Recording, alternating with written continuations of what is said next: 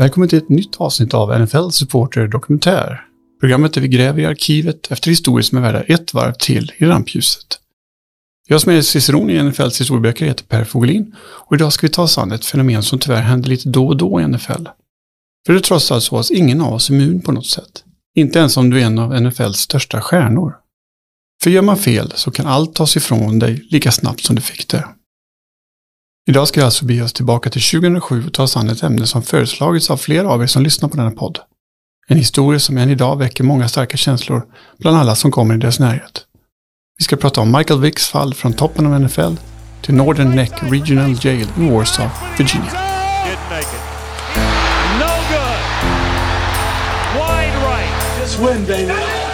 Due to the various uncertainties surrounding my position as it relates to the team's new ownership, I've decided to resign as the head coach of the New York Only Jets. four words. This one's for John. Många gånger när man läser om brottsutredningar tycker jag mig finna att slumpen spelat en stor roll i lösningen. Eller slumpen kanske är fel ord. Ibland handlar det kanske snarare om de inblandades oförmåga att undvika att trampa i klaveret. Deras värsta brott har de kanske lyckats hålla hemligt på något sätt. Men sedan gör de någon annan typ av snedsteg som gör att polisen får upp ögonen för dem i alla fall. Precis så var det i vår historia. Den tar sin början i april 2007 utanför en nattklubb i den lilla staden Hampton i Virginias södra delar. Klockan har för länge sedan passerat midnatt och börjar så sakteliga gå mot dag. I området finns det en polisman med sin hund som patrullerar och ser till att alla tar sig hem från krogen på ett säkert sätt. Plötsligt får hunden upp ett spår. Hunden för polismannen till en bil lite längre bort på parkeringen. Väl där finner man den 26-årige Davon Body som vid närmare inspektion har 79 gram marijuana på sig. Body blev följaktligen arresterad för innehav och avsikt att distribuera. Något som fick till följd att Body fick följa med polismannen till arresten den morgonen. Lite senare följer polisen upp Bodys fall genom att göra en husrannsakan hemma hos Body.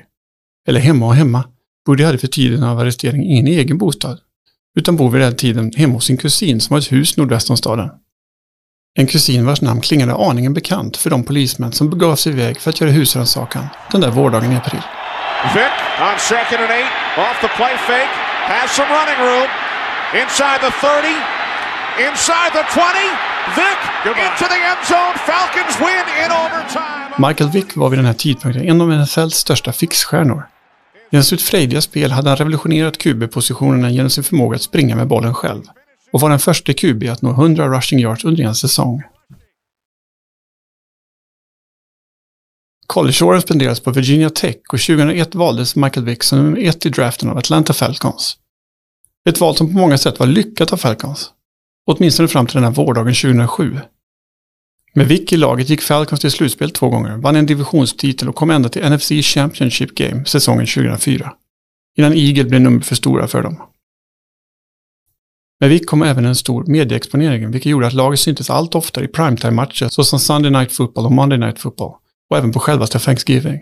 Även om Vick var ett vandrande highlights-paket i sig själv, så var det dock så att prestationen inte alltid korrelerade med stjärnglansen. Med tiden i ligan kom även krav från media och fans som med all rätt tyckte att det var mycket ögongodis, men inte särskilt mycket resultat från Falcons guldkalv. Många menar att även om det var flärdfullt att se hur han sprang med bollen, så gäller det även ibland kunna stå i passningsviken och leverera ett pass snabbt och säkert. Något som Vick hade lite problem med. Samtidigt som kritiken gentemot hans spel växte allt starkare, så började Vicks fasad även utanför planen att krackelera. 2005 anklagades han av en kvinna för att gett henne herpes, en historia som slutade i en rättssal och som förutom ett ekonomiskt bakslag även innebar ett massivt bakslag massmedialt och imagemässigt. Framförallt eftersom det framgav att han testade och behandlades för herpes under pseudonymen Ron Mexico. Något som många fans tyckte var aningen skrattretande. Någonstans här hade man kunnat tänka sig att Vic skulle vakna till lite och ställa sig själv lite frågor. Men icke. Han fortsatte att skapa rubriker av helt fel anledningar. En gång pekade han finger åt ett fans och en annan gång lämnade han över en vattenflaska som doftade konstigt och som hade en substans i ett hemligt fack. Den utredningen lades dock av någon anledning ner utan att något egentligt resultat presenterades. Någonstans här var kanske Michael Vicks historia på något sätt redan utstakad. Även om få kunde ana vad som komma skulle.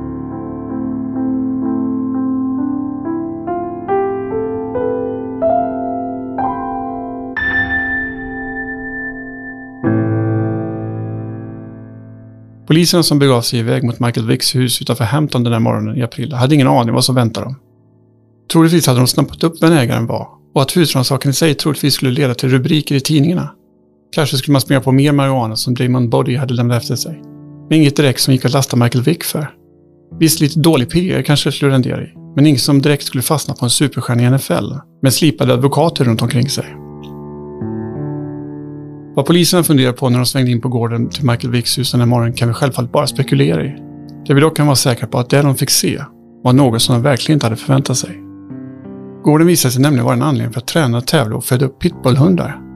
Förutom de 54 hundar som räddades beslagtogs även en hel del maskiner. Bland annat ett elektriskt löpband för hundar samt en så kallad rape stand, ett slags avart till avelsmaskin där man spänner fast en hund medan en annan betäcker det. Vidare beslagtogs även en rad blodiga tyger och mattor och verktyg som till exempel prybars. en slags kofot som med tanke på omgivningen troligtvis används för att vid behov kunna bända upp käkar på hundar. Polisen insåg direkt att det här ärendet var mycket större än de ursprungligen hade kunnat tänka sig. I takt med att utredningen fortlöpte framkom bilden av en verksamhet där folk reste från South Carolina, North Carolina, Maryland, New York och även Texas. Allt för att se, betta och tävla med sina pitbulls i hundkamper. Innan matcher vägdes alla hundar och badades. Allt för att inte hundarna skulle vara insmorda i några preparat som skulle kunna påverka motståndarhunden. Ibland lät ägaren bli att mata sina hundar för att de skulle vara extra hungriga till de här matcherna. Matcherna pågick ofta från midnatt till framåt gryningen och där den segrande hunden kunde vinna från några hundra dollar upp till flera tusen dollar. Den förlorande parten överlevde sällan. Om så var fallet hade ofta arrangören ihjäl den stackars hunden genom dränkning, elchock eller något skjutvapen. Den organiserade verksamhet med hundkamper bar namnet Bad News Kennel och styrdes från Michael Vicks gård. Namnet härstammar för övrigt från ett smeknamn på Vicks födelsestad Newport News, även känd i folkmun som just Bad News. Nyheten om vad polisen hade hittat på Vicks gård blev snabbt första sidestoff och media spekulerade självfallet vilt kring om Michael Vick var inblandad i det hela. Huvudpersonen höll dock en låg profil, men valde dock till slut att adressera frågan i samband med NFLs årliga Quarterback Challenge. Vick förnekade där all inblandning i det hela och menar att han lämnat huset i släktingarnas händer, men att det uppenbarligen inte uppför sig korrekt. Vidare menade han att det är tråkigt att se hur folk utnyttjar en superstjärna på det här viset. Här ger man dem ett hus, och det här är tacken. Vick konstaterade avslutningsvis att han har lärt sig en läxa och att han uppenbarligen varit alldeles för givmild och godtrogen. Detta uttalande synades självfallet i sömmarna av media, fans och inte minst djurrättsorganisationer, som inte riktigt köpte Vicks historia. Vid det här laget var det dock svårt för någon part att vara något annat än skeptisk på sin höjd. Vicks skuld var långt ifrån bevisad, men i takt med att tiden gick började allt fler vittnen att framträda i media. Bland annat så presenterade ISPN i maj en intervju med en man som varit involverad i illegala hundkamper i över 30 år. Som berättade att Michael Vick var en av branschens tungviktare både som hundägare, arrangör och spelare, det vill säga betting. Rapporterna i media gjorde också att djurrättsorganisationer började höra av sig till NFL och önskade att det vore på sin plats med en utredning även från ligans sida. Dessutom yrkade på att det vore på sin plats att stänga av Vick från fotbollen tills saken var noggrant utredd. Ligan själv antog dock en inställning som vi tyvärr känner igen från allt för många fall genom åren. Det vill säga man gjorde ingenting. Då skulle jag ändå påpekas i sammanhanget att det var ju under off-season och att det vore tämligen ofarligt om meddelade Michael Vick att han var avstängd tills vidare, eftersom denne ändå inte tränade eller spelade några matcher. Men icke.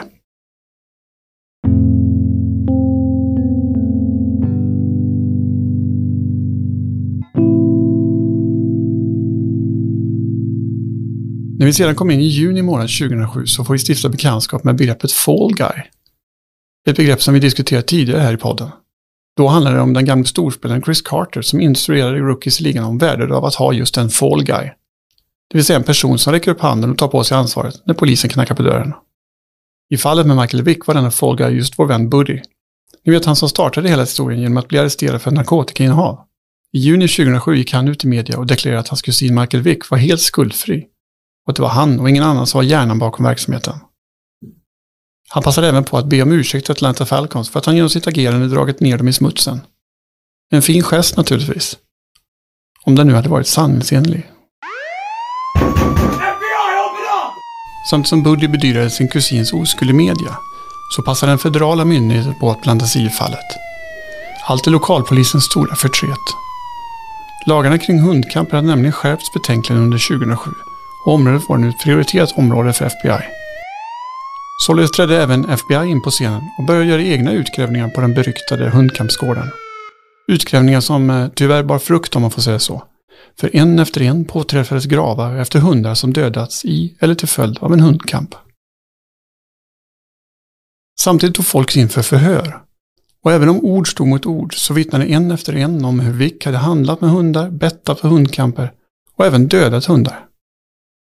Delar av materialet från utredningen går idag att ta del av online och där finns flera berättelser om hur Vick stryper hundar, dränker hundar och i vissa fall dödar dem genom att slunga dem upprepade gånger mot marken. Vidriga historier helt enkelt. Utan att bli än mer grafisk över vad som hände på den beryktade gården så kan man säga att myndigheterna noggrant byggde upp ett relativt solitt case mot Vick och hans kumpaner. Utredningens framfart hölls dock utanför media, i den mån det nu gick. Där pågick snarare en annan utredning. Den som folket gjorde. Med sina egna antaganden.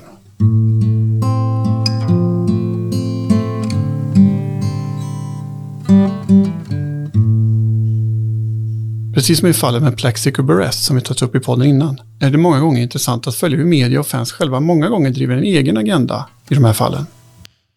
Så här i efterhand så vet vi utgången av dramat och har facit i hand. Men i maj-juni 2007 så var sanningen fortfarande fri för tolkning. Wick hade inte blivit arresterad och de fakta som låg på bordet var oftast vittnesmål från någon kriminell person som någon reporter hade fått tala ut anonymt på något sätt. I och med att dessa personer fick medieutrymme så var Michael Wick redan dömd av stora delar av folket. Och framförallt i media. Där diskuterar man inte huruvida Wick var skyldig eller ej, utan hur långt straff han skulle få. Och när han skulle få spela i NFL igen. Om han nu överhuvudtaget skulle få göra det. Vidare hade även en annan diskussion dykt upp. Den om hiphopens dåliga inflytande som hade börjat ta fart. En retorik som inte sällan dyker upp i dessa sammanhang. Precis som så många gånger förr är det musiken eller tv-spelens fel till en individs snedsteg. Denna gång var det helt enkelt musikens tur att klä skott. Som exempel kan vi ta Kansas City Stars skribent Jason Whitlock, som själv är afroamerikan. Han menar att det var hiphopens fel att Vic hade hamnat i dessa problem och det inträffade borde ses som en väckarklocka för alla afroamerikanska atleter. Likaså fanns det andra skribenter som menade att hiphopen sålde in en slags gangstermentalitet till lyssnarna, vilket kunde vara farligt. Dessutom är texterna fyllda av referenser till hundkamper, vilket spär på intresse för denna avartiga företeelse. Dessa kommentarer blev snabbt en sanning i media, speciellt eftersom dessa kom från afroamerikanska journalister som på något sätt genom sin hudfärg ansågs kunna företräda alla afroamerikaner i hela USA. Washington-spelarna Clinton Portis och Chris Samuels visade dock på en annan sida och gick under perioden ut i media och försvarade Michael Beck. I don't know if he was fighting dogs or not, but it's his property, it's his dog. If that's what you want to do, do it. You know what what people do behind closed doors. Uh, But that's a felony. I mean, it's a crime. it crime. can't be too bad of a crime. You want to hunt down Michael Vick over fighting some dogs, you know? Uh, I think people should mind their business, you know. You can't, you know, accuse this man of something and go ahead and throw the book at him right now. You know, you got he got to be convicted first, and I don't think that's fair. You take somebody that's doing positive in the community, you take a positive role model and put them behind bars for no reason, you know, over a dog fight. There's been a lot of talk of of you know that this is prevalent in the NFL, the NBA. You guys, I mean, it's prevalent in life. I know I'm, I'm from Laurel, Mississippi, so I know I know a lot of back roads that got a dog fight if you want to go see it, you know. Vidare i intervjun så berättar även Portis om sin uppväxt i Mississippi. Där hundkamper var en del av vardagen och kunde hittas på var och varannan bakgata. Enda skillnaden var att det inte var någon kändis som deltog. Däremot var det en hel del från polisväsendet som deltog och även en och annan domare. Det ska sägas i sammanhanget att Portis kommentarer om rättsväsendet där kan kännas lite godtyckliga men har i efterhand kunnat stärkas. Samuels och Portis inlägg kanske inte var det mest korrekt formulerade uttalande som gjorts någonsin, men i sin klumpighet vittnar det ändå om en intressant sak. Nämligen hur utspritt hundkamper och betting kring detta var i vissa delar av landet. Människan har trots allt i hundratals år bedrivit kamper mellan allehanda djur, gärna med betting vid sidan om. Detta gör det självfallet inte rätt på något sätt, men ger ändå en något mer nyanserad bild av händelserna än vad som porträtteras överlag. Någonstans var det kanske ett större samhällsproblem, och inte bara Michael Vicks problem. NFL och Washingtons fotbollslag såg dock inte riktigt dessa aspekter av Samuel och Portis uttalanden, utan gick omgående ut med en ursäkt för dessa spelare. Senare tvingade man även Portis och Samuel att publikt ta avstånd från Michael Vicks beteende, vilket de självfallet gjorde. Trots att rättvisan ännu inte arresterat någon, och trots att ligan själva inte utdelat någon typ av reprimand mot Vick.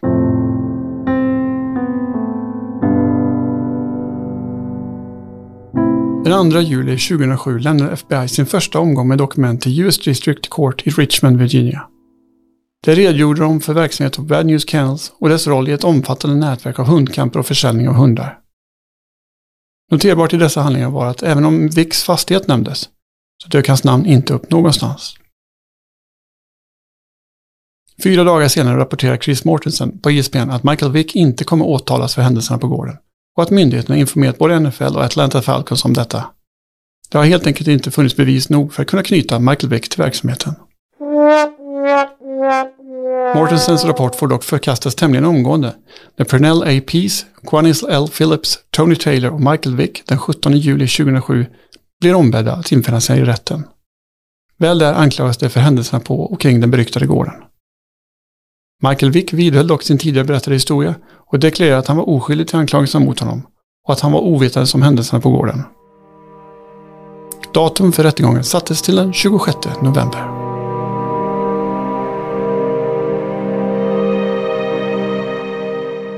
När nu många kort hade lagts på bordet började hjulen rulla ganska snabbt.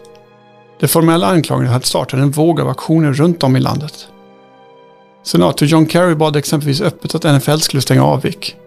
PETA, djurrättsorganisationen, anordnade protester utanför NFLs kontor i New York och även utanför Falcons träningsanläggning i Atlanta. Nike meddelade att man inte skulle släppas på Vicks nya sko. Inte just nu i alla fall. Reebok som hade avtal med ligan gällande kläder meddelade att Michael Vicks tröja skulle sluta säljas omgående. En efter en började bolagen och organisationer helt enkelt att klippa sina band med Michael Beck.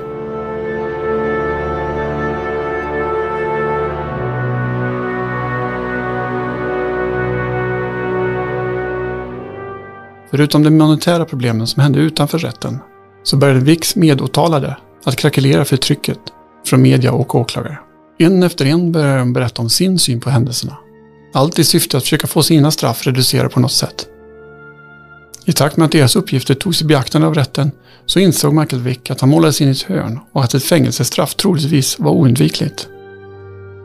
Enda sättet framåt var att anamma samma upplägg som sina medåtalade. Detta för att förhoppningsvis undvika ett alltför långt straff. Det här resulterade i att han den 24 augusti 2007 skrev under en så kallad plea deal där han erkände sin skuld. På alla punkter. Den här händelsen fick till och med självaste Roger Goodell att skriva ett brev till Vick där han förklarar att han inte behövde infinna sig på Falcons försäsongsträning. Utan att han bör låta rättegången ha sin gång innan han eventuellt återvänder till ligan. Ett relativt tamt uttalande från en person som året innan valts in som commissioner i ligan med ledorden att han skulle Do everything to protect the shield and the integrity of the game. Ja, ja.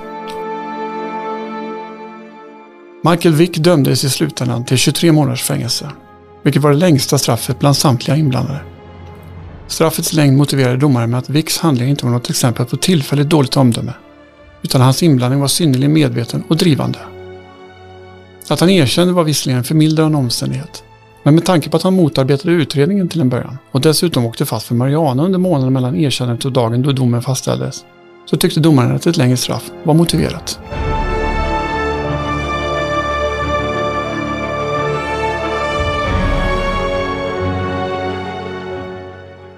Michael Wick spenderade totalt 17 månader i fängelset.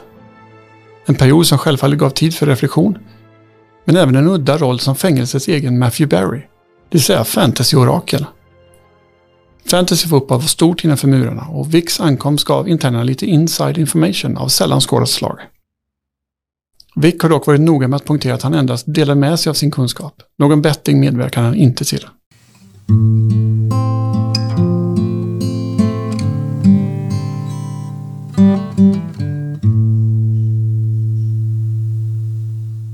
Michael Vick blev åter en fri man 2009 och togs då tillbaka av ligan. Första jobbet blev i Eagles som tog in den då 29-årige Vick som sin backup.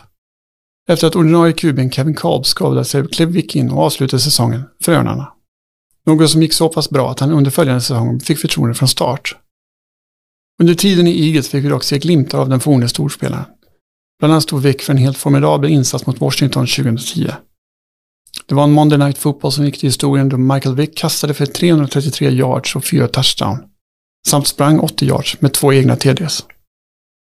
Resultatet denna afton landade på netta 59-28 till Eagles.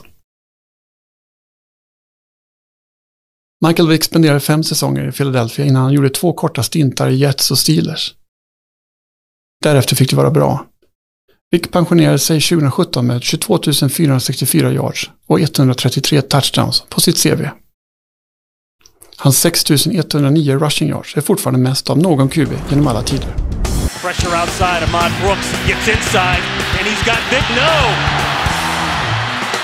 The throw in the end zone. Touchdown! Play from about the 12, and there is Vic, as you talked about, John, rolling and launching downfield for Deshaun Jackson, who accelerates, caught the opening play, and all the way for a touchdown! 88 yards! Det där var alltså historien om Michael Vicks resa från toppen av NFL till botten i fängelset. En resa som inte bara kostade honom sin frihet utan även kostade väldigt mycket i pengar sett. Innan fängelsestraffet bedömdes Michael Wick vara värd bortåt en miljard för att sedan gå i konkurs under tiden i fängelset. Michael Wick jobbar idag som eh, expert på Fox Sports och snackar upp matcherna varje söndag. Han har dock fortsatt vara en eh, kontroversiell figur och er ni med gott minne minns kanske att han försökte köpa en hund häromåret, vilket vållade en hel del rabalder i media. Hans person delar fortfarande Amerika på många sätt. En del menar på att han kanske inte borde få återvända till sporten så som han gjorde, utan att sporten borde hålla alla vid en högre standard. Andra menar på att han har tjänat sitt straff och är välkommen tillbaka. Alla är värda en andra chans så att säga. Även om FBI, som vi nu har lärt oss, satte fokus på hundkampen 2007 så har det tyvärr inte lett till någon större förändring i frågan. Cirka 40 000 amerikaner är varje år involverade i hundkamper och bettar på dessa. Och man räknar att cirka 16 000 hundar varje år sätter livet till på grund av dessa förfärligheter. Nästa gång är vi tillbaka med ett helt annat ämne. Om du har något förslag, det här var ju till exempel ett förslag från er där ute, så ta, med, ta och mejla mig. Ni når mig på info.nflsupporter.se info.nflsupporter.se Ni hittar mig även på Twitter där jag har kastat om mina namn för enkelhetens skull. Ett Fogelinper. Ett Fogelinper. Jag som har gjort det här programmet heter alltså Per Fogelin och tills nästa gång vi hörs, ha det riktigt bra. Hej!